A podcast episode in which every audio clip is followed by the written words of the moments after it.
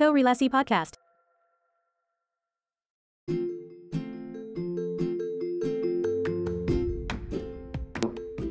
Halo, kita ketemu lagi di Korelasi, sebuah podcast yang berbicara tentang arsitektur dan kaitannya dengan beberapa aspek dalam kehidupan. Kali ini kita kedatangan satu tamu, satu kakak kelas saya yang uh, cukup menginspirasi saya. Uh, dia adalah Wijaya Peter dari Studio Tanpa Batas. Tapi kita kali ini akan mengkorelasikan arsitektur dengan aspek belajar. Halo Jai. Halo, halo Red. Halo, apa kabar Jai? Baik, baik Red. Uh, uh, gimana update-nya di COVID ini studionya? Uh, ya, UFH, tapi juga ya ya cukup ini beradaptasinya cukup cukup menantang karena kita nggak biasa dengan kerja apa remote, uh, remote, remotely gitu. Uh, Oke. Okay. Uh, mungkin Wijaya bisa cerita sedikit, Jay, um, hmm. latar belakang arsitekturnya atau keminatan mungkin uh, ke bidang ini itu ceritanya seperti apa? Hmm, kalau dari kalau kesenangan dengan arsitektur sendiri sih uh, mungkin cukup klasik sih kalau misalnya orang-orang tanya karena dari dulu memang suka gambar tapi ya gambarnya nggak bagus-bagus banget gitu. Jadi uh, karena oh, lebih apa ya lebih visual aja. Kalau dibilang uh, suka uh, membaca juga ya apa karena masuk arsitek jadi juga membaca. Kalau suka uh, yang terlalu uh, apa ilmu-ilmu yang sangat eksak juga ya belajar juga nggak nggak bisa-bisa jadi ini juga memang ya cukup klasik alasannya karena suka gambar uh, dan uh, saya orangnya banyak banyak memang lebih visual jadi uh, arsitektur okay. juga itu menjadi menjadi menjadi jawaban buat saya. Oke. Okay. Kemudian uh, apakah keminatan itu kemudian meyakinkan Wijaya untuk kemudian oke okay, berkuliah arsitektur? Hmm, ya, ya, itu juga itu salah satunya. Uh, selain itu juga karena uh, mungkin background saya kan orang tua bekerja di bidang uh, arsitektur dan juga konstruksi. Jadi uh, sejak hmm. kecil itu uh, cukup sering diajak ke proyek. Jadi uh, mungkin itu sudah terbangun dari kecil sih. Jadi dari dari sejak dini hmm. itu sudah terbangun tanpa maksud maksud eh, yang disengaja dari orang tua tapi karena uh, bawah gitu ke bawah ya betul karena karena dari kecil sudah terbiasa di apa di proyek ya karena proyeknya juga lebih banyak di luar kota jadi seperti jalan-jalan pada weekend gitu oh, okay. jadi ketika orang tua kunjungan proyek saya ikut itu seperti kayak uh, liburan vacation gitu mm -hmm. Terus di perkuliahan sendiri menemukan hmm. sisi lain dari arsitektur kah atau sesuai yang dibayangkan? Hmm, saya waktu kuliah sih nggak terlalu banyak expect, cuman ya jalanin aja belajar. Sih pingin pingin belajar, pingin pingin pingin mengerti arsitektur lebih dalam seperti apa. Uh, apa ya ya banyak belajar ketika di masa perkuliahan uh, dan uh, ya ya enjoy enjoy enjoy waktu masa-masa kuliah itu masa-masa yang asik tuh karena di difavoritkan itu kan kegiatan menggambar, visualisasi itu ya, itu betul. makin terjadi di di dunia perkuliahan gitu ya. Iya. Salah satu hal yang saya ingat tentang uh, Wijaya ini adalah uh, dulu di di kampus kita di Petra itu kan nggak wajib magang gitu ya Jaya.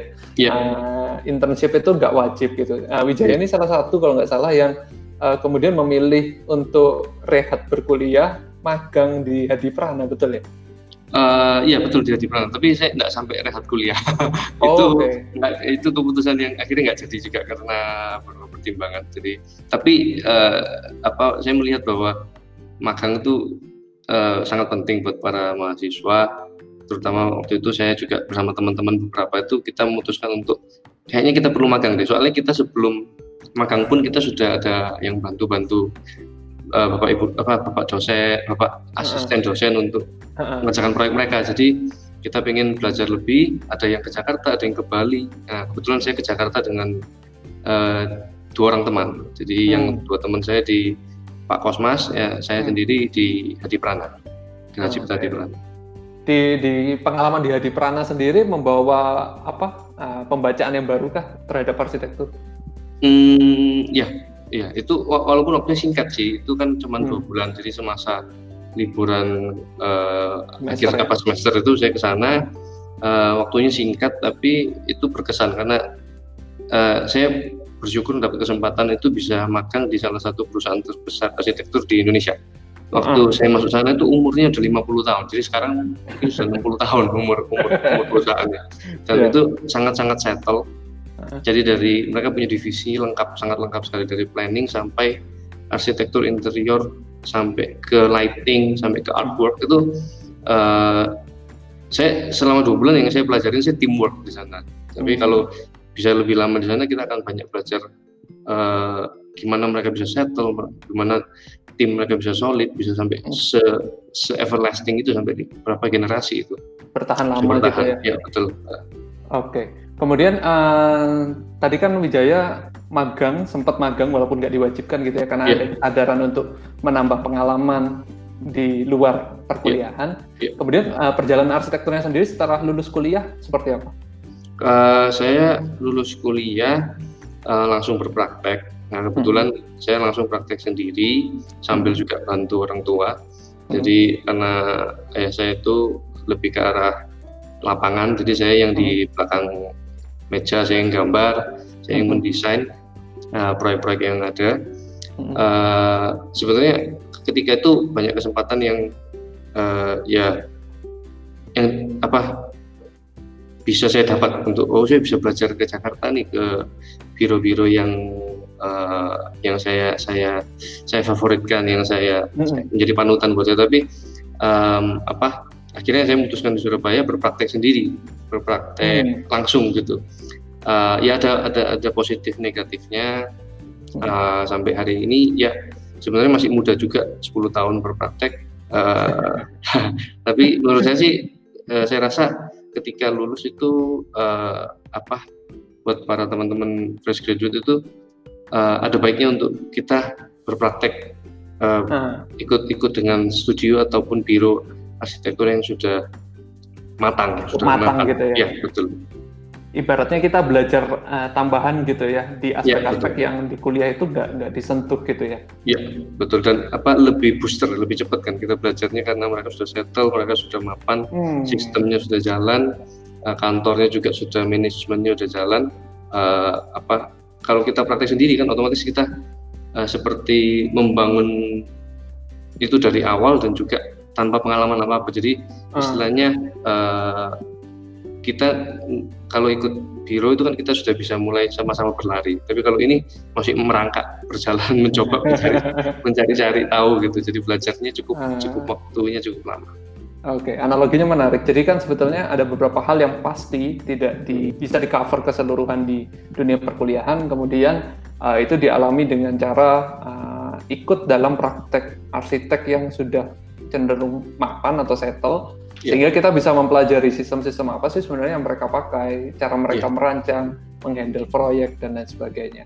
Nah, kemudian uh, perjalanan yang menarik kalau dari yang saya amati dari uh, arsitekturnya Wijaya ini adalah uh, tidak semua orang sadar untuk uh, melakukan studi lanjut, sedangkan Wijaya sendiri kan memilih untuk melakukan studi lanjut di bahkan yeah. sampai di UK ya di Inggris yeah, sana. Uh, boleh diceritain sedikit uh, latar belakangnya kenapa sih studi lanjut terus uh, bidangnya apa dan lain sebagainya. Oh, Oke, okay. jadi um, yang latar belakang saya ingin belajar lagi uh, hmm. apa namanya untuk menambah wawasan gitu. Jadi hmm. uh, itu sebenarnya sudah saya impikan dari sejak lulus uh, sarjana apa di di Universitas Kristen Petra ketika lulus hmm. S1. Jadi saya pikir oh saya akan praktek 3 sampai 4 tahun lalu saya akan coba untuk studi lanjut yang dari awal memang saya sudah uh, tertarik belajarnya urban design. Hmm. Jadi uh, sambil saya berpraktik selama 3 sampai 4 tahun itu uh, ya sambil nabung juga tapi sambil uh, mencari tahu uh, urban apa untuk memperdalam lebih berbanyak belajar mengenai urban design. Jadi hmm.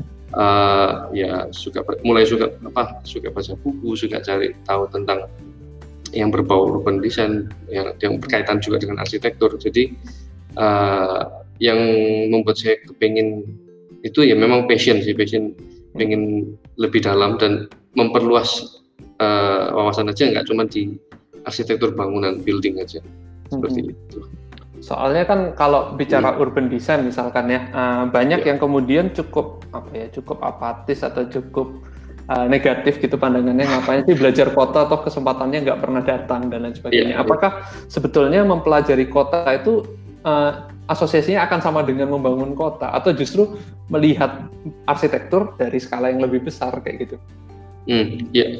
Uh, kalau dari sudut pandang saya, menurut saya sih uh, kenapa juga saya memilih uh, urban design karena uh, menurut saya kaitannya sangat erat dengan arsitektur bangunan hmm. karena seperti tadi uh, Reddy bilang bahwa itu seperti melihat arsitektur dari skala yang lebih besar. Hmm. Jadi uh, kita tidak uh, terpatok pada uh, buildingnya saja, tetapi kita juga melihat dari sudut pandang yang berbeda, sudut pandang yang lebih luas seperti kita kayak zoom out suatu hmm. gambar dan kita memperhatikannya lebih lebih lebih makro hmm. baru kita nanti zoom in lagi jadi uh, yang kalau kalau ditanya apakah ilmu itu terpraktekkan bisa dipraktekkan atau bisa diaplikasikan saat ini di praktek uh, itu itu makanya kenapa saya uh, dari pandangan saya kenapa saya ngambil urban design karena kaitannya dengan arsitektur lebih dekat daripada kalau kita bicara urban planning.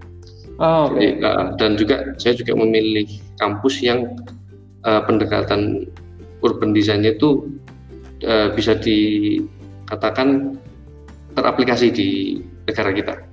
Oke. Okay. Uh, mungkin ada ada beberapa teman-teman pendengar juga mungkin yang belum paham sebenarnya bedanya urban design sama urban planning itu di mana sih kalau dari kacamatanya Wijaya sendiri? Uh, kalau sepengetahuan saya uh, mungkin kalau apa kurang tepat juga bisa ditambahin. Jadi kalau, uh, pandangan saya sih urban planning lebih ke uh, skala yang lebih besar lagi, skala yang planologi. Jadi uh, hmm. tidak berkait, tidak bersentuhan dengan desain bangunan sama sekali, tapi lebih ke apa uh, planning skala besarnya. Hmm. Jadi kalau tapi tapi kalau urban design itu uh, kawasan. Jadi kita berbicara hmm. uh, uh, small part dari urban planning itu. Jadi lebih ke hmm. lebih ke kalau urban planning mungkin banyak berbicara bersentuhan dengan uh, kepentingan politik, ekonomi hmm, dan hmm. sebagainya macam lebih luas gitu ya. ya lebih luas tapi urban design mungkin lebih, uh, apa skalanya bisa lebih kecil dan juga lebih uh, ke bangunan dan ke apa secara skala manusianya hmm. yang saya lihat sih seperti itu okay. mungkin secara, jadi, secara jawaban singkat uh, jadi lebih arsitektural yang urban design sebetulnya ya dibandingkan ya. yang urban planning ya betul Oke, okay. kemudian kalau urban planning kan sebenarnya lebih lebih non visual tadi kan ya, uh, bicara yeah. tentang kebijakan, bicara tentang perencanaan, yeah. Iya. uh, guna lahan, peraturan dan lain iya, sebagainya. Yeah, betul. Yang yang mungkin keminatan kita kan sebagai arsitek yang terkait visual sekali agak nggak terwadahi di situ ya. Iya betul. Terus ke kemudian uh, kan yang dipilih adalah pendidikan urban design di UK di Inggris. Yeah, uh, kalau kalau mau di apa ya kalau mau di ditelaah kembali kan hmm. uh, eh, UK itu mungkin konteksnya agak jauh ya sama sama Indonesia yang Asia dan lain sebagainya. Yeah. Uh, kemudian uh, kesadaran untuk memilih pendidikan di UK ada ada pertimbangannya nggak? Mungkin ada sesuatu yang menarik di sana. Hmm, kalau alasan kenapa saya ke Inggris uh, secara personal dan juga secara uh, edukasional ada juga ada ada, ada alasannya. Yang pertama saya milih Inggris karena saya ingin yang jauh sekalian jauh. Gitu. Oh oke, okay. nggak tanggung jadi, gitu ya? Nggak tanggung, jadi uh, menik bisa apa ya uh, melihat tempat yang baru, tempat yang hmm. mungkin apa namanya uh, yang salah satu yang sudah saya impikan dari saya ketika apa uh, masih di ini ya SMA bangku SMA hmm. wah pengen nih ke Inggris gitu hmm. saya bukan bukan uh, bukan bukan fans uh, sepak bola sih tapi saya pengen gitu ke Inggris gitu uh, apa dan juga yang kedua adalah saya uh, sebenarnya pilihannya antara kapan hari antara tempo hari itu antara Inggris atau Europe jadi dia area hmm. Europe sana saya sudah cari-cari kampus melihat pendekatan mereka, riset-riset yang apa dosen-dosen mereka lakukan itu seperti apa. Jadi saya saya cukup banyak riset. Lalu salah satu dosen kita Bu Ruli uh, mm -hmm, apa betul. itu eh, kasih apa uh, ada di Sheffield kebetulan di, di uh -huh. UK. Lagi S3 di situ. Ya, di S3 di sana. Saya juga akhirnya penasaran. Saya cari tahu tentang Sheffield dan uh, saya lihat pendekatan mereka di sekolah arsitekturnya uh uh, dan di jurusan urban design itu uh, menurut saya applicable di Indonesia. Mereka banyak okay. bicara mengenai kondisi sosial, mereka bicara banyak banyak mengenai pendekatan ke partisipatori ke uh, orang-orangnya ke masyarakat hmm. itu itu menurut saya wah ini applicable dan tidak terlalu banyak bicara mengenai apa uh, desain apa top down tapi mereka banyak bicara bottom up oh, itu okay. itu menarik buat saya di apa di untuk diaplikasikan di sini. Hmm. Pembacaan-pembacaan terkait kondisi konteks itu kemudian yang menjadi menarik. Ya. Ya walaupun kemudian kondisi apa ya geografis atau penataannya itu negara maju kita negara berkembang itu itu sedikit banyak nggak ada pengaruhnya ya hmm, kalau saya sih atau ada pengaruh maksudnya gimana ya uh, misalkan penataan di sana kan kotanya cenderung sudah rapi mm gitu kemudian kesadaran tentang ruang publik uh, kehidupan kota yang sehat dengan transportasi publik dan oh, iya. sebagainya itu kan sudah sudah matang oh, iya, kalau betul. kita kan masih dalam proses Ya, Apakah ya, melihat sesuatu yang sudah matang itu kemudian uh, akan lebih mudah untuk kita mencernanya kemudian mengaplikasikannya di konteks kita? Um, ya itu cukup membantu dari apa yang anggapannya eh, kita bisa menganggap seperti ini mereka sudah uh, settle mereka sudah punya uh, susunan yang rapi mereka sudah hmm. punya histori yang panjang untuk mereka apa menata kota mereka ada hmm. record yang jelas hmm. ada peraturan yang jelas, ada konselnya, ada ada ada bagian dari bagian dari badan pemerintah yang betul-betul uh, khusus untuk untuk untuk menangani hal tersebut. Uh, jadi uh, studi dari sana juga menarik buat buat hmm. kita apa uh, apa namanya menjadikan perbandingan dengan dengan dengan di Indonesia seperti itu. Oke. Okay. Uh, kemudian saat saat uh, sekolah di sana mungkin agak kepo yeah. sedikit ya. Uh, yeah. Studi-studi yang dilakukan tadi mungkin sempat ke mention gitu ya ada kata-kata riset di sana dan lain sebagainya. Yeah. Uh, kalau kalau yang saya pahami kan orang-orang di luar sana akan mendasari desain mereka dengan sesuatu yang faktual, dengan sesuatu yang uh, memang benar adanya sehingga riset sebagai basis desain itu sangat penting untuk dilakukan. Nah, yeah. apakah apakah seperti itu? Hmm, kalau ke, kebetulan di kampus yang saya tempat saya belajar studi lanjut hmm. itu uh, mostly seperti itu. Hmm. Tapi mungkin kalau teman-teman saya kan ada ada setelah ketika uh, liburan itu saya ada ke London sama teman-teman hmm. yang lain untuk melihat pamerannya e School dan juga Bartlett. Nah, hmm. itu itu itu uh, saya juga sering dengar uh, kuliah dari salah satu uh, kepala kepala studionya EE School itu Patrick hmm. Schumacher mungkin yang hmm. kita tahu bahwa sekarang dia yang handle Zahari Architect hmm. itu uh, itu menurut saya sih another level, oh, okay. another level of architecture way of thinking gitu. Jadi uh-huh. uh, itu itu itu deep banget. Jadi uh, apa area yang area yang kita pikirkan dan yang disentuh itu bukan cuma berbicara mengenai oh parameter bisa pakai Rhino bisa pakai Grasshopper udah jadi keren itu udah uh, apa punya material baru udah beres gitu enggak tapi ternyata ketika kita melihat oh pameran EE School ketika mungkin kita dari mahasiswa Indonesia hmm. kita praktek di Indonesia lalu kita pergi sana kita melihat pameran mereka kita akan bingung karya-karya mereka ini kok tidak tidak arsitektur banget gitu. Hmm, itu, hmm. itu ternyata tapi setelah kita ngobrol, kita lihat presentasinya, kita baca konsepnya, kita baca dasar pemikiran mereka itu itu apa ya? Uh, itu sebenarnya yang harus kita latih sebagai seorang arsitek itu berpikir kritis, berpikir berpikir tidak cuma sekedar building, tetapi uh, jauh lebih luas daripada itu. Jadi uh, ya itu menarik sih. Jadi okay. ya setiap sekolah di sana punya karakter yang sendiri-sendiri, punya pendekatan. Ada spesifikasinya sendiri-sendiri ya. gitu ya, ya, yang membuat keunikan masing-masing sekolah. Kemudian uh, sering kali mungkin juga sering kita lihat gitu ya produk-produk uh, dari sekolah-sekolah di luar itu kan um, sangat abstrak gitu ya kalau dilihat iya. mentah-mentah gitu ya. Uh. kayak ini sebenarnya bikin apa sih? gitu. Uh, bangunan kok ya enggak? gitu. Uh, kalau dilihat-lihat ya kayak bangunan gitu. Uh, yeah. apa apa yang kamu dapatkan saat uh, oh iya ini ternyata yang tadi kayak nggak kelihatan arsitektur tapi ternyata itu uh, thinking yang jauh lebih dahsyat gitu atau jauh lebih tinggi levelnya yeah Uh, jadi ya tadi betul kata ya Reddy bahwa uh, kalau kita lihat uh, hasil presentasi mereka yang di pin up itu gambarnya abstrak banget kayak uh, apa uh, ini ini ini super banget Photoshopnya. Jadi keren. Maksudnya uh, mereka lebih banyak uh, mereka tidak kalau dari sudut pandang saya melihat dari pameran ke pameran itu uh, dan juga buku-buku mereka kan banyak itu. Buku setiap tahun kan mereka mengeluarkan buku. Tapi kalau teman-teman melihat buku dari kampus yang tempat saya lulus dengan contohnya AS School itu sangat berbeda jauh.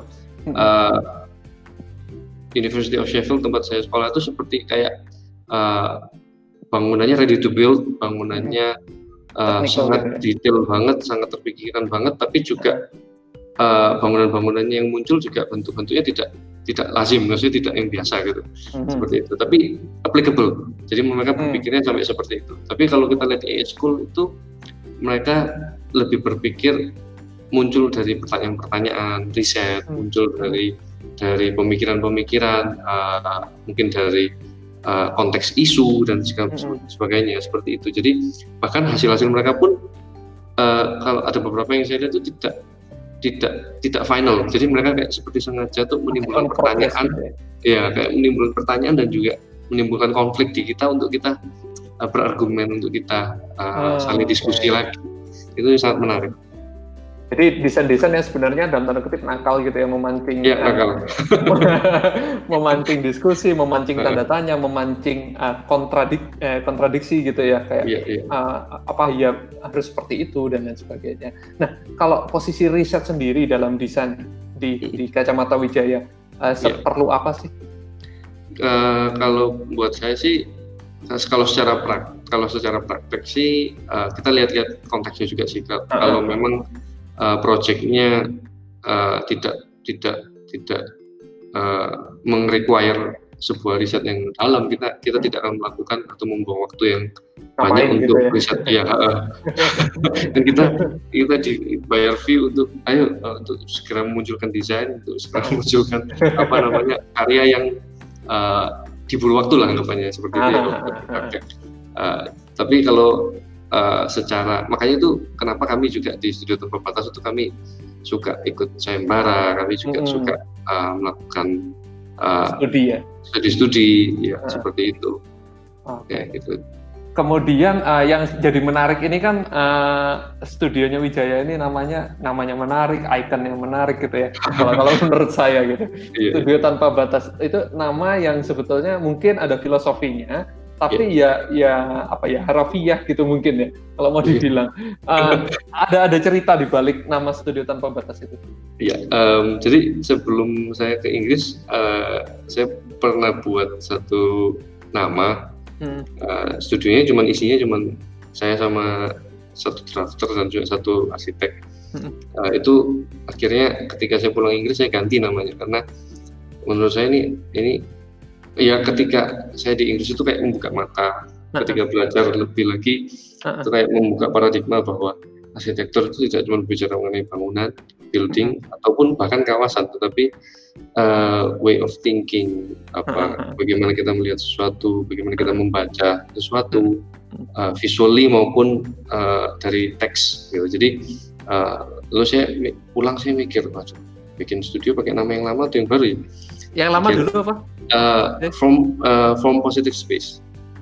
Oh, Oke. Okay. Nah, jadi betul. bicaranya kan arsitektur banget gitu. Lalu ada ada singkatannya ya kalau nggak salah dulu ya. F, ya, F plus atau F plus F ya. Oh ya benar. Uh, lalu saya pulang saya mikir ah kalau bikin studio mau pakai nama sendiri kan uh, agak cringe ya, gitu ya. Ya, bisa, ya agak cringe. Ya bisa juga sih, cuma agak cringe ya. Saya ini siapa? Belum belum ada nama. Uh, percaya dirinya masih belum segitunya gitu ya. ya sebenarnya mau, mau percaya percaya diri juga bisa sih, cuman uh, yang menjadi pemikiran saya sih uh, uh, ini ini mungkin terpupuk dari sejak saya kuliah dan juga okay. saya praktek itu belajar teamwork ya kan belajar teamwork gimana satu satu satu hasil karya itu tidak bicara mengenai satu orang saja. Jadi akhirnya hmm. saya berpikir, oh nggak pakai nama sendiri ya, coba cari nama yang lain yang uh, apa filosofinya yang apa masuk dengan saya gitu. Jadi saya mikir hmm. kita berpraktek selalu ada batasan-batasan yang uh, menjadi constraint buat kita berkarya. Contohnya ada peraturan-peraturan yang harus kita taati. Nah, itu uh, lalu ada requirement-requirement dari project, dari klien, dari hmm. dari pemangku kepentingan dan segala macam. Lalu ada iklim, iklim juga menjadi salah satu constraint, ya kan salah satu tantangan dan batasan juga. Lalu saya berpikir uh, kita sebagai arsitek kan kita harus berkarya tanpa suatu apa kalau kita dulu kuliah kan kita pengennya nih berkarya tanpa suatu ada batasan pengennya hmm. bebas gitu ya kan hmm tapi bapak ibu dosen bilang gini teman bilang gitu kan jadi kayak ter kayak ter apa? Terkotak-kotak gitu ya? Terkotak-kotak teracuni dan tidak ada diskusi yang dibangun. Jadi menurut saya uh, menurut saya uh, menurut saya uh, kita berpraktek kita sebagai manusia pun kita berada di dalam satu lingkungan satu kehidupan yang uh, ada batasan-batasan dalam dalam hidup kita.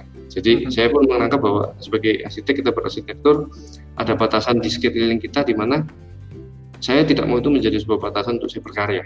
Walaupun okay. itu menjadi batasan, itu maksudnya ya kalau dibilang idealis banget ya mungkin ya, itu paradoks gitu ya sebenarnya. Ya paradoks uh, betul. nah, justru um, menurut saya batasan itulah yang membuat sebenarnya yang harus membuat kita berkarya tanpa batas. Oh, Jadi uh, okay. apa filosofinya Rich, dalam ya. Resultnya ini akan berbicara apakah kita menjawab ah. constraint atau kita meng, mengabaikan constraint atau hmm. kita bisa selaras dengan constraint. Hmm. Ya kan hmm. terlepas dari terlepas dari hasilnya seperti apa, stylenya seperti apa.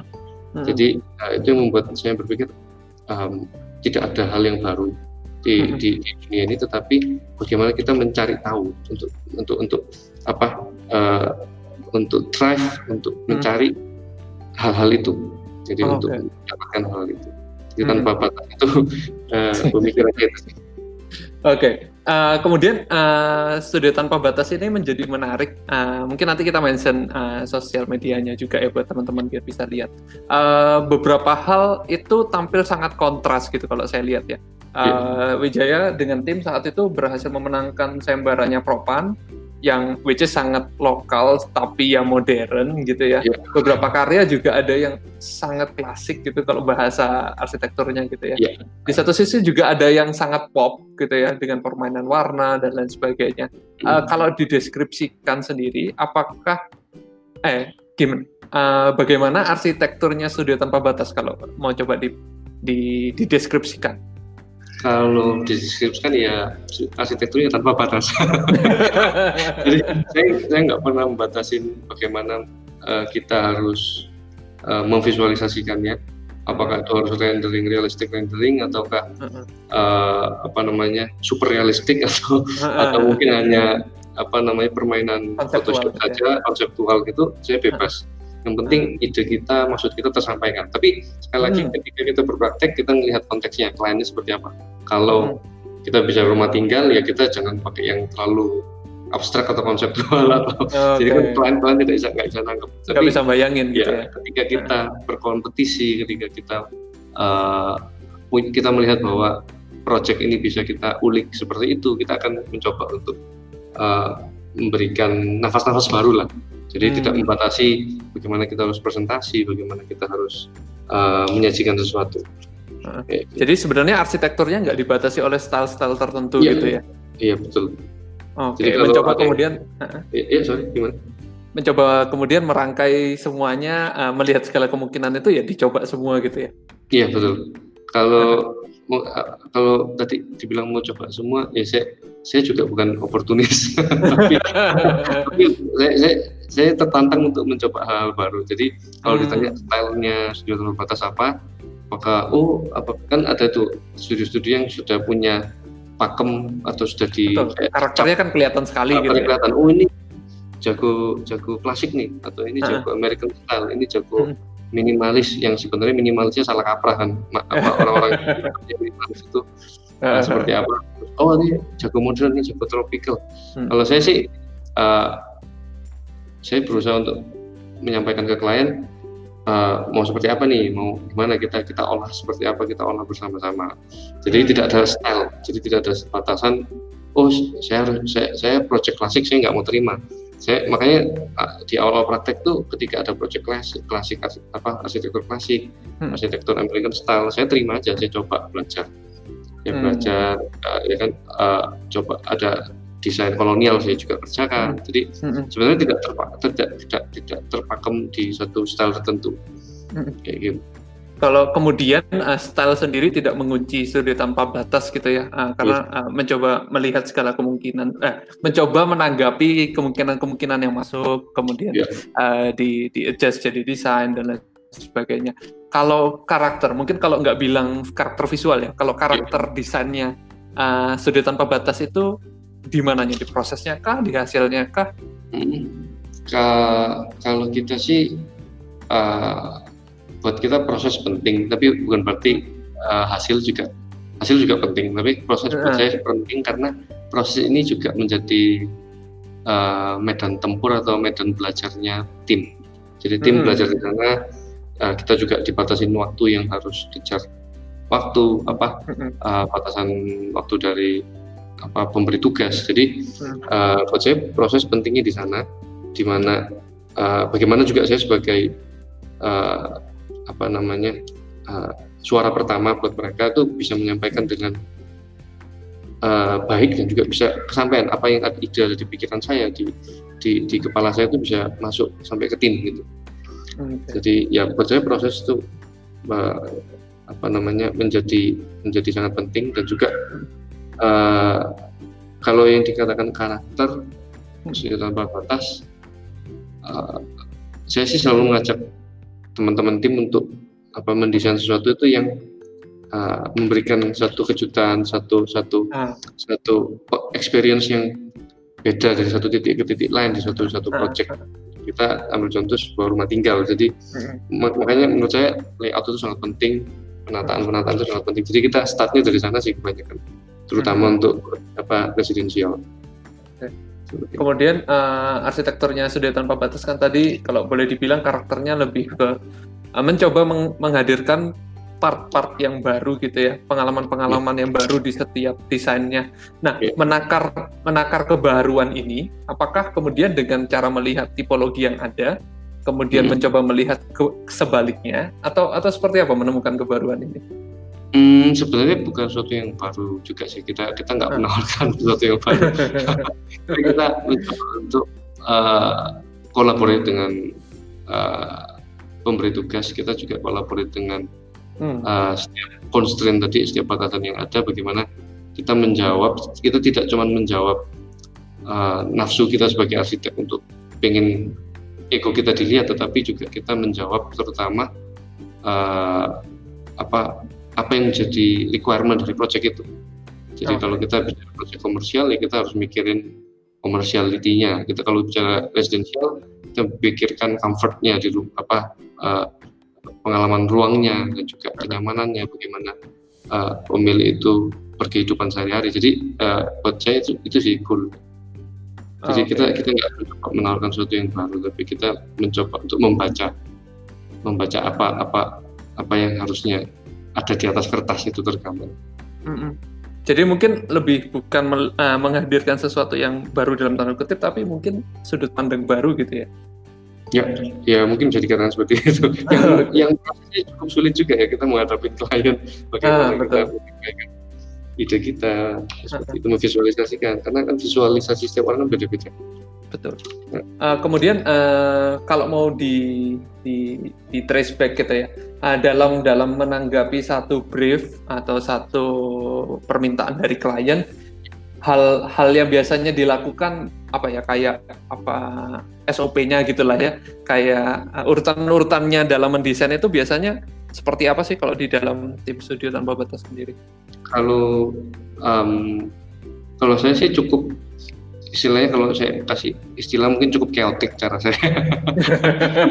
nggak ada nggak ada urutan-urutan. ada urutan gitu. diserap, diserap banget gitu. Jadi nggak apa. Jadi mungkin menurut saya, oh kayaknya klien ini lebih condong kita tunjukin sketch dulu nih kita hmm. kita kasih sketch atau mungkin oh dia ini lebih dia mintanya ini pengen lihat apa namanya uh, layoutnya dulu nih ya udah kita kasih 2D layoutnya dulu hmm. atau mungkin ada yang lebih ke arah uh, apa namanya pengen apa namanya pengen tahu nanti jadi seperti apa. Kita kan tidak bisa dalam waktu singkat langsung memvisualisasikan semuanya. Akhirnya kan kita menggunakan mood board kita menggunakan menggunakan media-media yang ada seperti itu. Jadi kalau dibilang urutannya uh, abstrak ya?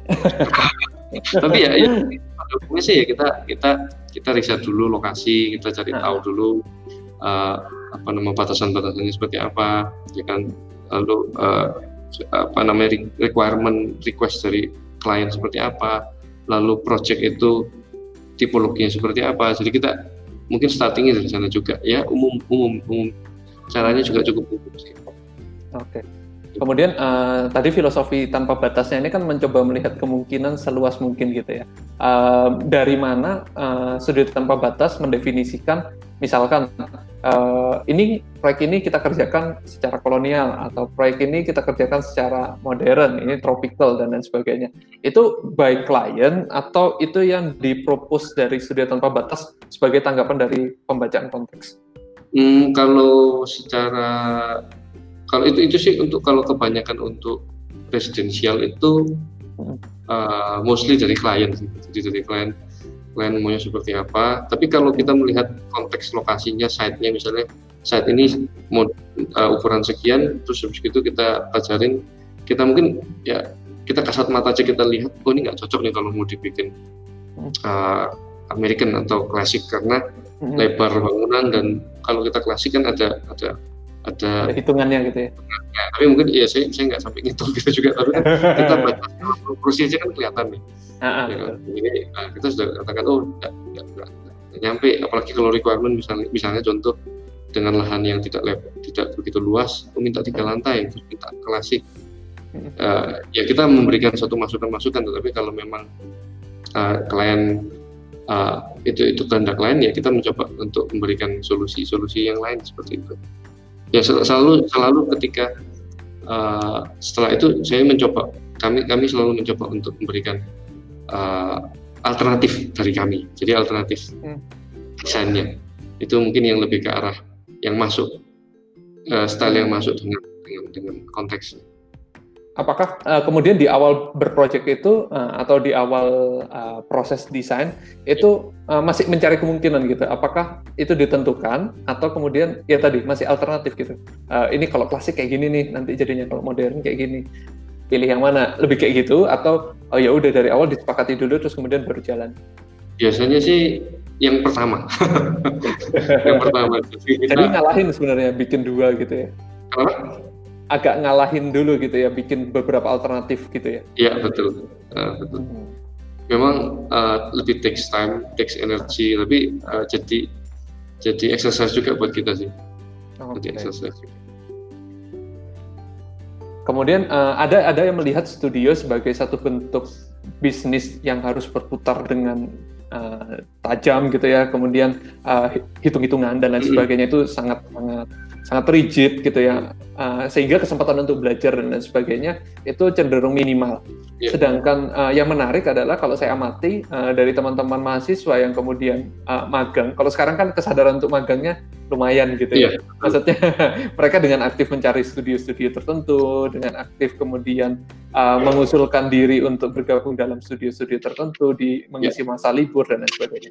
Yang menarik adalah yang saya lihat uh, beberapa teman yang kemudian berkesempatan untuk intern di studio tanpa batas, yeah. mereka mengerjakan satu bentuk proposal studi di mana sebetulnya kalau studio lain yang saya lihat uh, ya udah in charge di proyek aja kamu ngerjain satu bagian dari pekerjaan gitu yeah. spirit itu lahir dari mana saya jadi kalau buat menurut saya sih karena saya juga dulu pernah magang pernah hmm. di satu biro uh, di mana saya sangat appreciate di mana biro sebesar itu hmm. teamworknya of, of course teamworknya jalan karena mereka sudah settle manajemen pembagian tim runtutan apa jenjang karirnya sudah sudah jalan.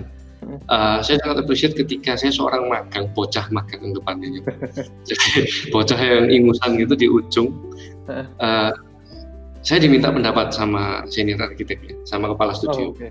Jadi saya diminta pendapat. Saya di, kita semua ketika dalam satu ruangan meeting itu kita seperti uh, posisi kita itu sama semua. Hmm. Kita kita at the same level, kita brainstorming bersama, kita beride bersama dan setiap kita bergantian memaparkan ide. Jadi menurut saya itu sesuatu yang uh, klik buat saya. Ya, mahal. Jadi studio saya, saya ekspektasi saya bahwa uh, perusahaan besar ini akan sangat uh, anggapannya Track tanda, gitu ya? tanda kutip juga kaku dan uh-huh. serba cepat ternyata ya mereka cepat tapi mereka juga kalau anak, anak sekarang bilang woles gitu ya santai gitu jadi uh, saya juga anak magang yang maksudnya saya diperhitungkan gitu jadi diajak hmm. ke lapangan saya dipercayakan project untuk membuat dianggap gitulah ya iya dianggap gitu jadi saya saya wah itu berharga dan ketika terakhir ini saya sempat ketemu dengan salah satu senior arsiteknya, eh, bukan senior arsitek, uh, director of desainnya. Mm-hmm. Saya ketemu di Jakarta dan uh, beliaunya masih ingat saya. Itu itu buat mm. saya luar biasa. Wow, saya appreciate, appreciate Berarti apa? Menurut saya di studio besar sebesar itu pun kekeluargaan itu apa? Feel feel bukan studio ya, mereka sebuah PT uh, ya? ya sebuah perusahaan arsitektur, uh. biro arsitektur komersial uh-huh. yang sangat korporat itu tapi feel studio itu masih ada uh-huh. feel studio itu masih sangat kuat dan itu itu yang membuat saya berpikir kalau saya mau terima anak magang ya mungkin berapa lama sih belum pernah terima lagi karena kita cukup hektik. Jadi nggak apa saya takutnya malah nggak termanage tapi awal awal tuh saya berpikir ah saya kalau terima anak magang uh, ya bisa sebenarnya kita kita beri tugas untuk ayo kamu desain toilet. Desain ya fasad kan? gitu ya. Iya, ternyata tidak di Indonesia saja tapi juga di negara-negara berkembang yang tadi kita katakan contohnya Inggris. Ternyata uh, fresh graduate fresh graduate dan anak magang pun kerjaannya mendesain toilet gitu loh. Ya kan? Saya pikir ya saya bisa kasih kerjaan ini sama mereka. Tetapi tujuan mereka magang sebenarnya adalah untuk mereka belajar untuk mereka bukan mengembangkan technical skill. Technical skill gampang mereka bisa belajar nanti. Hmm. sambil jalan mereka belajar. Tetapi yang lebih penting adalah uh, apa desain skillnya bagaimana pola pikirnya critical thinkingnya bagaimana mereka menganalisa sesuatu. Makanya kenapa kami dari saya sendiri berpikir uh, kita kasih project. Project project ini aja deh. Project konseptual project yang riset by design uh, yang yang agak utopis, agak absurd juga, tapi uh, apa namanya menimbulkan pertanyaan dan diskusi. Jadi seperti oh, itu. Okay. Jadi sebenarnya kayak uh, produk-produknya EE School tadi ya, kalau orang bertanya-tanya mungkin yang apatis adalah buat apa sih gitu, uh, ya. nggak nggak kepake dan dan sebagainya. Ya. Itu itu yang sangat negatif gitu ya. Tapi kemudian kalau melihat dari sisi positifnya itu menimbulkan uh, diskusi, menimbulkan uh, pendapat-pendapat yang menarik, kemudian hmm. melihat kemungkinan-kemungkinan yang mungkin waktu sekarang nggak bisa diwujudkan, tapi siapa tahu gitu ya kebaca yeah. sama sama yang berwenang dan lain sebagainya. kemudian ide itu bisa dieksekusi. Uh, yeah. Spirit untuk kemudian uh, memilah pandangan-pandangan yang yang menjatuhkan atau membuat kita tidak semangat lagi itu ada ada tips triknya nggak? Nggak usah didengerin sih. Gampang aja. Saya saya uh, saya saya terbuka dengan kritik dan opini. Maksudnya masukan saya sangat terbuka. Ya dan saya bukan orang yang apa tertutup dengan masukan. Tetapi uh, ini terjadi ketika kami riset itu dengan anak-anak magang itu teman-teman teman-teman mahasiswa itu uh, hasilnya itu uh, ini yang kita spirit ini harus kita bangun di di di culture ini ya culture ini harus kita bangun itu kita lebih baik mencari tahu dan bertanya sebelum kita berkomentar. Ah, oke. Okay. Nah, jadi gambar-gambar itu yang mereka posting itu, itu ya itu semua punya akar, semua punya pola apa dasar pemikiran, punya background story. Itu yang harus ditanyakan, itu yang harus di, gali sebelum kita mengutarakan pendapat kita. Nah itu kayak teman-teman yang mahasiswa itu mereka posting di Instagram itu hmm. banyak ya banyak yang komen tuh banyak banyak atau nyacatin lah nyacatin gitu. Jadi goalnya goalnya tercapai ya. Goalnya tercapai. Komentar gitu. Uh, uh, jadi saya ketawa-ketawa aja sih. Ketawa-ketawa oh ya ya oke oke nggak masalah sih. Jadi ya kenapa kita kan tujuannya bukan itu bukan hasil akhirnya tetapi prosesnya mereka ketika mereka berpikir mengumpulkan data menganalisa itu itu itu yang itu yang goal saya buat mereka. Ya. Oke. Okay. Kebiasaan yang apa mendasarkan sesuatu pada hal yang terukur, hal yang uh, faktual dan lain sebagainya itu tadi kan mungkin kita nggak terbiasa untuk itu gitu ya di hmm, sistem yeah. pendidikan kita S1 gitu katakanlah yeah. kan kita hanya dalam tanda kutip ya kayak dicepokin objek gitu ya udah kerjain selesai ya udah kelar dan lain sebagainya yeah. nah adakah perbedaan dulu saat studionya Wijaya ini di, di, dibentuk dari hasil pendidikan uh, sarjana sama kemudian setelah melalui pendidikan master uh, itu switch gitu itu itu berubah total ada nggak hmm. yang yang berbeda dibandingkan kalau mau dibandingkan ya yang tadi FS itu sama STB itu Ka kalau pengaruh sih pasti ada jadi hmm. di mana uh, anggapannya kayak kita melihat kayak kayak, kayak uh, anggapannya kalau kita seperti jago kungfu tapi kita cuma jago di kampung tapi hmm. ternyata terus kita keluar kita ke uh, kampung lain kita melihat ada yang lebih jago kita belajar di sana kita pulang kita kan ngajarin kita kita oh. maksudnya kita develop gitu jadi uh, ketika studi yang pertama itu lebih banyak berpraktek lebih banyak menyelesaikan tugas lebih banyak mm -hmm. apa namanya uh, uh, test oriented jadi ketika mm. setelah saya pulang dari Inggris saya berpikir uh, harus bawa nafas yang baru nih sesuatu yang baru apa yang sudah tanpa batas tawarkan di arsitektur uh, di apa ya? Di anggapannya arsitektur katakanlah Surabaya dulu lah. Hmm, ya memang belum ter, tidak terdengar. Sampai sekarang ya suaranya kecil kecil bahkan mungkin tidak terdengar. Tapi maksudnya saya yang apa nilai nilai perbedaannya yang saya mau berikan itu ya salah satunya adalah itu. Tidak cuma untuk ke para para klien untuk memberi tugas tapi juga kepada uh, secara secara lebih luas untuk teman-teman mahasiswa teman-teman sesama arsitek bahkan di luar arsitektur pun very open saya sangat open dengan apa namanya diskusi dari antar antar antar apa uh, antar disiplin. lini, lini disiplin nah itu itu uh. itu yang justru yang pancingan-pancingan yang saya mau bisa tercapai sampai sana. Oh, Oke. Okay. Kemudian uh, yang menarik lainnya dari Studio Tanpa Batas ini adalah beberapa karya dari kompetisi ya, Jai. Uh, sempat uh, dapat penghargaan pertama juga dari Propan dan lain sebagainya. Uh. Dari kacamata Wijaya sendiri, kompetisi ini posisinya di mana sih kalau dalam dalam kehidupan berstudio arsitektur ya? Hmm, ya.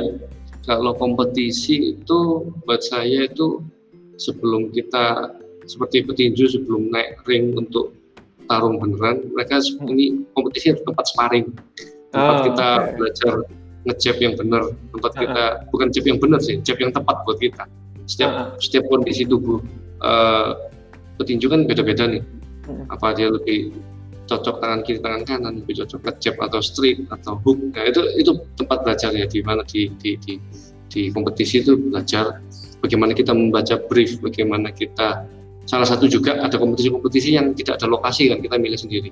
Jadi hmm, melihat lokasi, melihat konteks.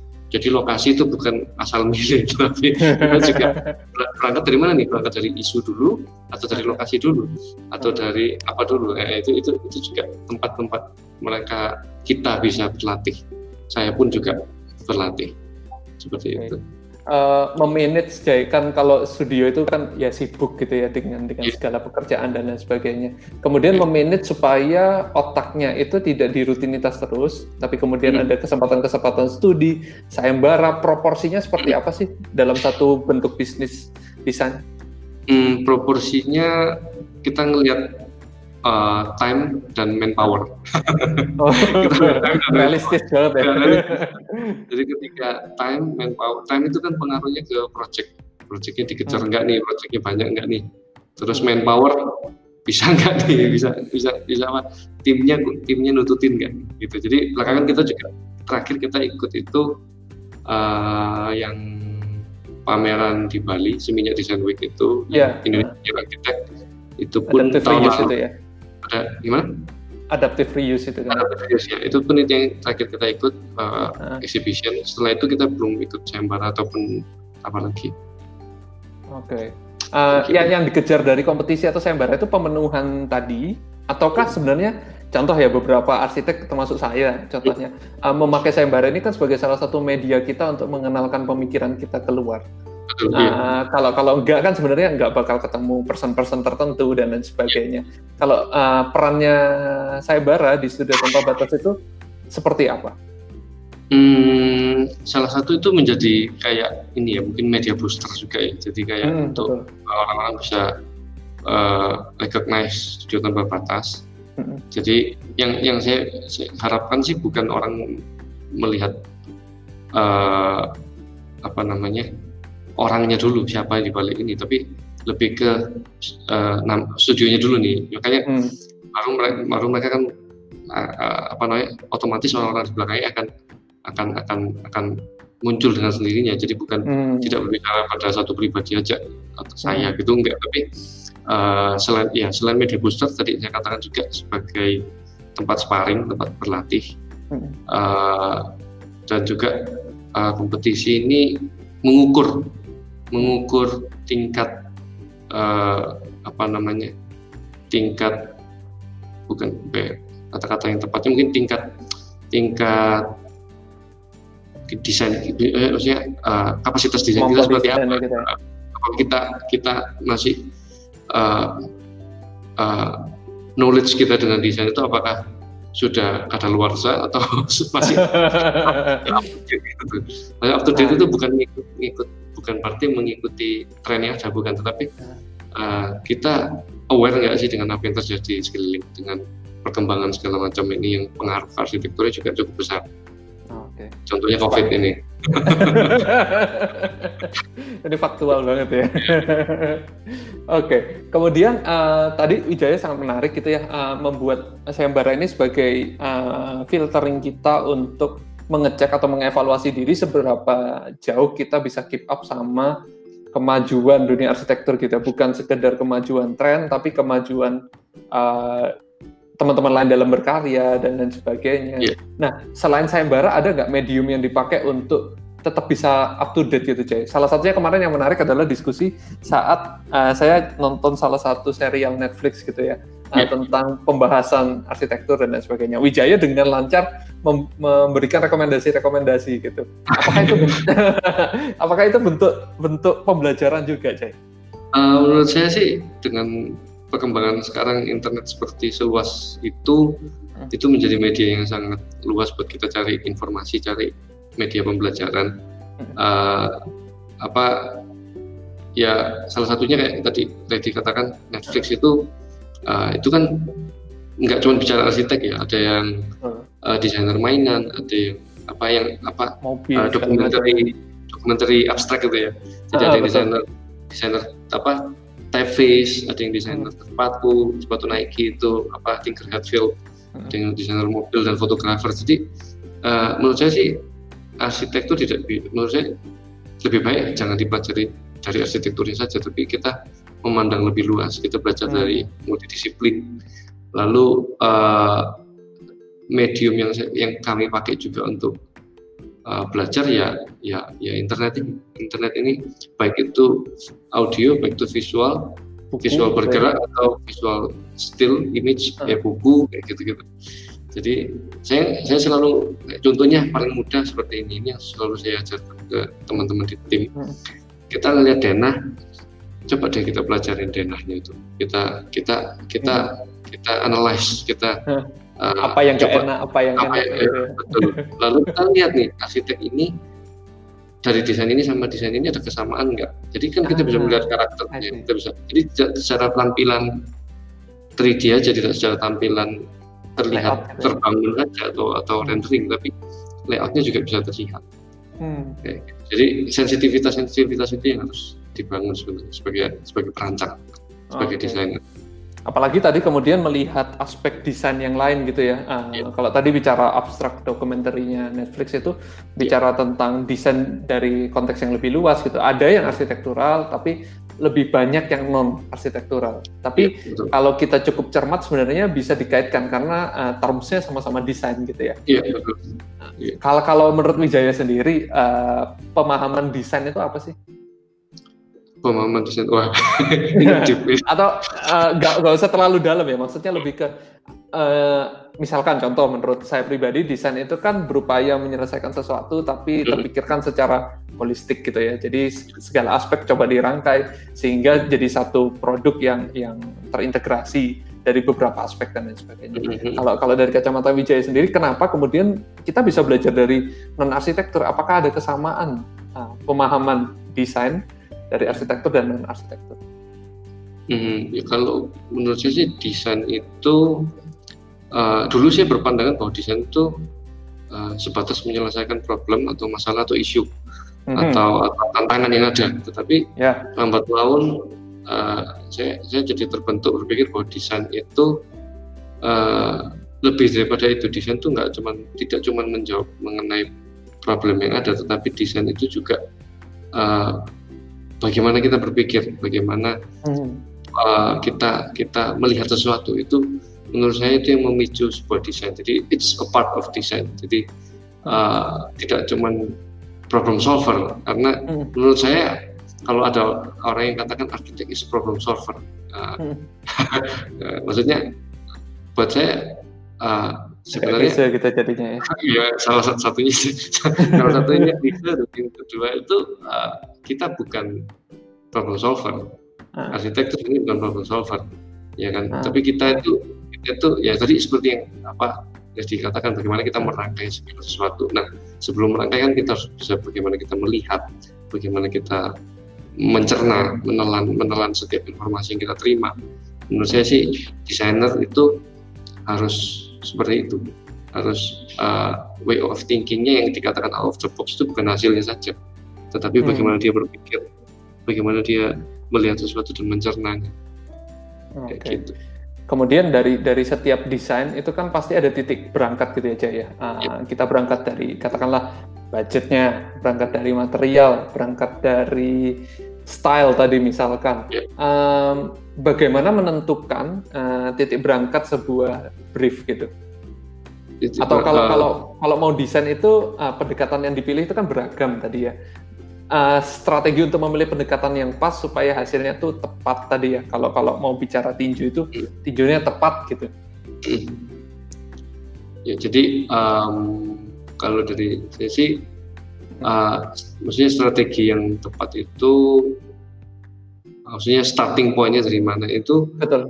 uh, ya kembali lagi itu bagaimana kita membaca melihat Hmm. konteksnya karena kita membaca melihat lainnya seperti apa. Yang menjadi tantangan buat saya sampai hari ini sih itu masalah time. Masalah waktu. Makanya tiap hari kan saya ngobrol-ngobrol sama Red itu. Red kamu ini kalau bikin uh, eh, 3D kalau kalau visual saya visual banget gitu.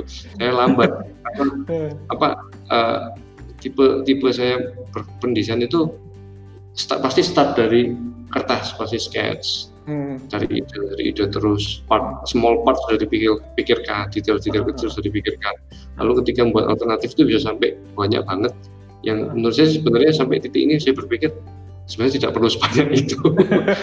Tapi poinnya macam-macam. Ada yang alternatif yang saya start misalnya contoh dari uh, dari dari requirement klien ada yang start hmm. dari lokasi ada yang hmm. start dari uh, program ruang misalnya ada yang start dari macam-macam dari dari dari orientasi bangunan jadi um, apa namanya akhirnya yang menjadi tantangan sampai hari ini ya time masalah waktu hmm. jadi kerja cepatnya itu itu yang harus apa namanya menjadi menjadi PR saya. Oke. okay. Kemudian uh, dulu sempat ada yang bilang ke saya, kalau nggak salah Pak Erwin itu sempat cerita, dibandingkan kita membuat alternatif gitu ya, merubah sedikit apa yang sudah kita kerjakan, better kita mencoba membuat iterasi. Artinya adalah uh, melihat sesuatu dari titik berangkat yang lain. Kalau awalnya misalkan bikin rumah, pertimbangan utamanya dapur. Gimana kalau kemudian pertimbangan utamanya dilihat dari aspek yang lain, katakanlah dari material ternyata. Uh, desainnya bisa muncul dua hal yang sama sekali berbeda gitu. Uh, ada pendapat nggak tentang itu? Hmm, kalau menurut menurut saya sih ya bisa bisa bisa juga selama ini kan kita buat alternatif itu kan kita mengulik merubah sedikit dari apa yang sudah kita bikin. Mm-hmm, betul. Ya, uh, makanya saya ini menjadi saya juga menantang diri saya ketika saya buat alternatif uh, satu ada satu A satu B satu C nya itu ada perubahan-perubahan sedikit. Mm-hmm. Lalu ketika saya decide ah saya mau bikin alternatif dua, alternatif dua, alternatif satu ini enggak saya lihat sama sekali. Jadi oh, start, iya, start from zero dari nol dari uh. apa kanvas kosong kita mulai dari sana. Jadi hmm. ya menurut saya sih ya itu menarik ketika hmm. kita melihat kayak tadi yang sudut pandang dari Pak Erwin uh. Uh, apa namanya uh, kita contoh mendesain rumah tadi katakan hmm. dari dapur hmm. Lalu uh, next alternatif kita bicaranya mulai dari sirkulasi uh, rumah betul. seperti itu, itu itu kan menghasilkan sesuatu yang beda itu menarik. Saya setuju Oke. Okay. Okay. kemudian uh, tadi kan uh, ada ada hal yang kemudian saat kita membuat alternatif ya udah dilupakan aja alternatif yang sebelumnya. Uh, bukan berarti dilupakan ya artinya uh, jangan jangan melihat jangan itu dulu. Ya, betul, betul, Kemudian kita bisa berpikir yang yang yang out of the box tadi yang di luar ya. batasnya kita dan lain sebagainya. Uh, padahal kan culture ini nggak nggak seperti itu gitu ya. Kalau kalau kita kan sangat ditrain untuk uh, tadi ya karena waktu dan lain sebagainya. Kemudian uh, kalau alternatif tuh ya udahlah dirubah sedikit, pokoknya lain. Ini kan udah jadi dua dan lain sebagainya. Iya. Membuat memaksa diri kita untuk bisa seperti itu tuh ada ada tips trik mungkin? Hmm, memaksa, berarti paksaan ya. In a good way gitu mungkin. In a good way, itu biasa kan ini aja sih. Biasanya diri kita berani ganti kertas, ya kan kalau yang pakai oh, kalau yang pakai pakai pakai software ya mungkin berani bikin new file. Start from zero. Jadi makanya makanya buat saya sih walaupun saya mengerjakan rumah tinggal saya pasti coret. Saya pasti bikin diagram uh, bicara mengenai program ruangnya bicara mengenai pemiliknya bicara mengenai apa yang mereka mau capai saya pasti bikin diagram. Jadi hmm. diagram visualisasi diagram itu buat saya juga juga sangat penting ketika kita mendesain mendesain proses desain. Mempermudah buat saya sih mempermudah secara visual jadi bukan bukan kita menulis sebuah diary panjang gitu ini hmm. klien hmm. mau apa-apa nggak kebaca juga ya sia-sia juga ya dapat diagram aja itu itu aja sih yang yang apa uh, bumbu-bumbunya resepnya kita coba-coba sendiri bikin okay. resepnya alternatifnya hmm. visualisasi proses gitu ya jadi ya sebetulnya dengan diagram itu kan kita me, me, menur, menurunkan atau memvisualkan apa yang ada kita pikirkan atau kemudian apa yang akan kita rangkai kemudian bumbu-bumbu tadi itu sehingga uh, saat berubah iterasi tadi sebenarnya ya kayaknya start dari nol padahal sebenarnya kita mencoba merangkai dengan cara yang lain gitu ya. ya Oke. Okay. Kemudian uh, sedikit uh, tadi kan Wijaya sempat mention kalau orang tua itu ada uh, di bidang konstruksi dan lain sebagainya. Yeah. Studi tanpa batas sendiri masihkah berkolaborasi dengan orang tua? Uh, kalau untuk project masih. Jadi hmm. uh, ada project-project yang dikerjakan sama uh, saudara kakak saya dan juga ayah saya itu hmm. uh, ada yang mencari arsitek ya dikenalkan. Hmm. Kalau misalnya saya punya project di luar uh, mereka dan cari konsul apa kontraktor cari uh, hmm. yang untuk membangun di lapangan saya hmm. kenalkan. Jadi ya kita kolaborasinya seperti itu sih. Oh, okay. Dan apa ya so far so good. Ada pengaruhnya nggak sih ke desain? Kalau pengaruh pengaruh banyak. Jadi ketika kita uh, uh, kolaborasi seperti ini, technical itu menjadi sangat sangat dipermudah, sangat hmm. sangat ada support support itu ya. Ada support diskusinya enak. Mungkin kalau dengan kontraktor yang baru kenal atau yang kita tidak kenal, PR ya. Itu PR bisa bisa tempur gitu kan di meja gitu. Argumen-argumen padahal sebenarnya menurut saya tidak perlu argumen seperti itu. Kita uh, okay. arsitek terutama ini mungkin buat arsitek muda yang terus graduate ya apa hmm. mungkin kesampingkan ego tapi belajarlah uh, apa namanya terlebih dahulu. Jadi lebih baik dengan menjadi pendengar yang baik daripada kita memaksakan sesuatu. Hmm. kalau teknikal orang yang berpengalaman pasti lebih tahu. Tapi kalau argumen desain silahkan. Oh, oke. okay itu itu yang uh, coba ditawarkan lebih juga ya oleh studio tanpa batas. Iya. Oke. Okay. Kemudian mungkin message-nya adalah uh, kalau desain itu ya jangan buru-buru keluar alternatif, tapi uh, uh, cerna dulu gitu ya iya. apa yang yang dibutuhkan, uh, titik berangkatnya dari mana, iya. uh, isunya apa yang mau disentuh dan lain sebagainya sehingga desain itu sebagai bukan problem solving tadi ya jalan keluar plus sebenarnya mungkin uh, bentuk buah pemikiran gitu ya tidak hanya sekedar solusi saja gitu ya.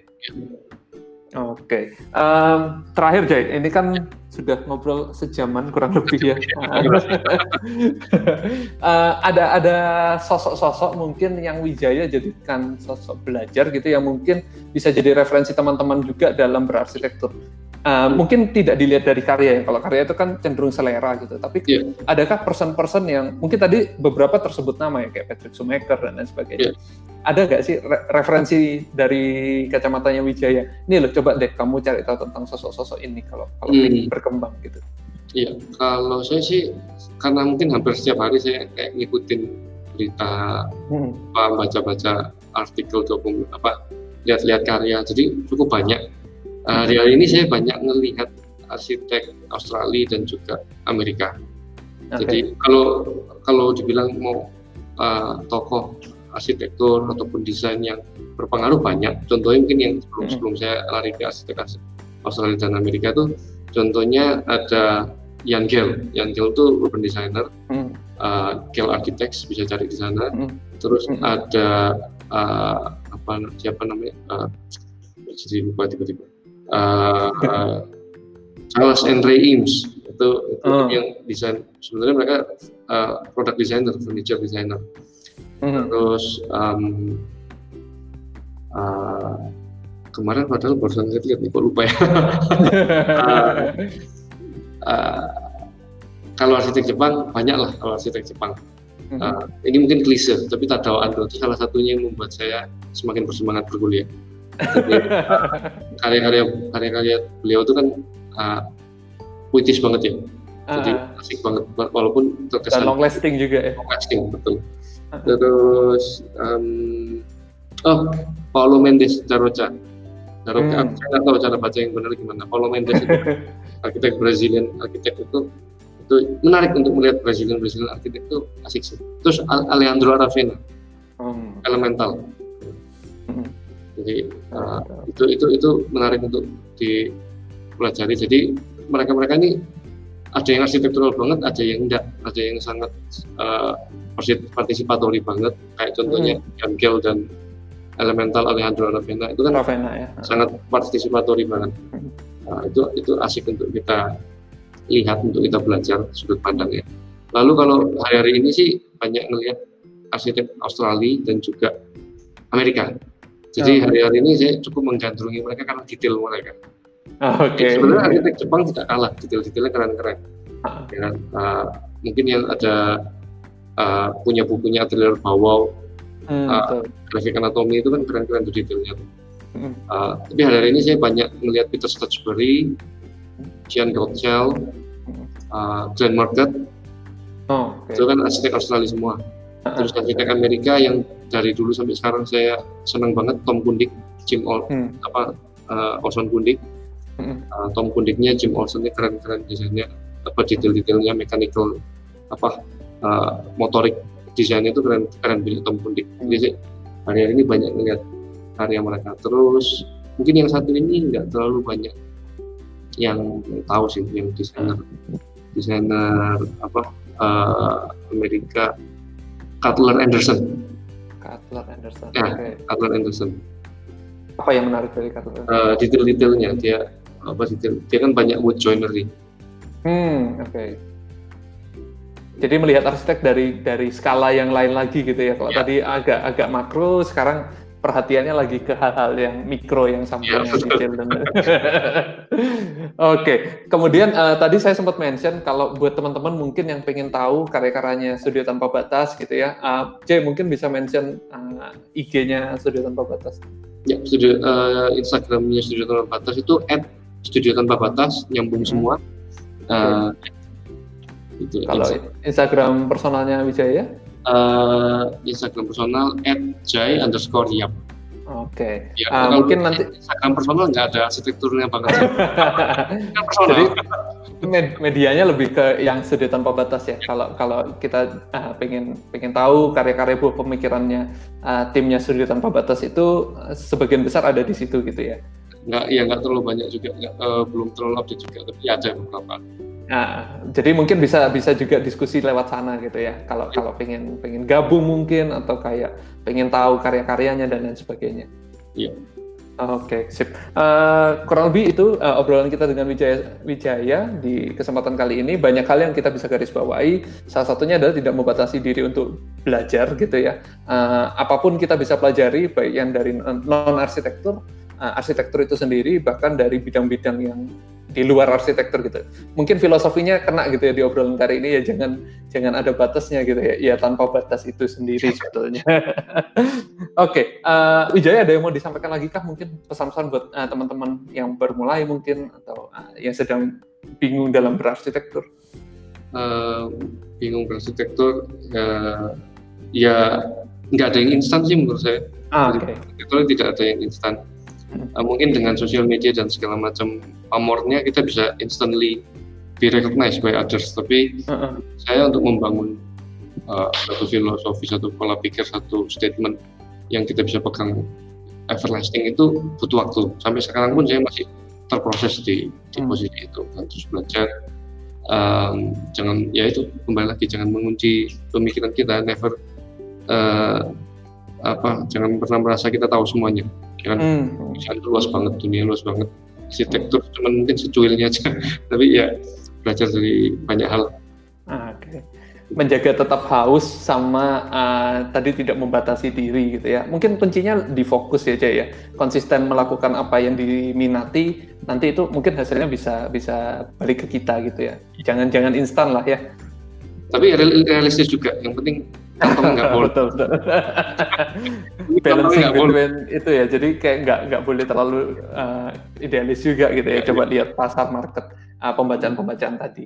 Oke, okay. uh, mungkin itu thank you Uh, banyak Wijaya obrolannya di kesempatan kali ini banyak hal-hal baru yang kita pelajari juga dari Wijaya. Uh, nanti kita ketemu lagi di episode korelasi yang lain dengan topik-topik lainnya dengan narasumber-narasumber berbeda lainnya. Terima kasih.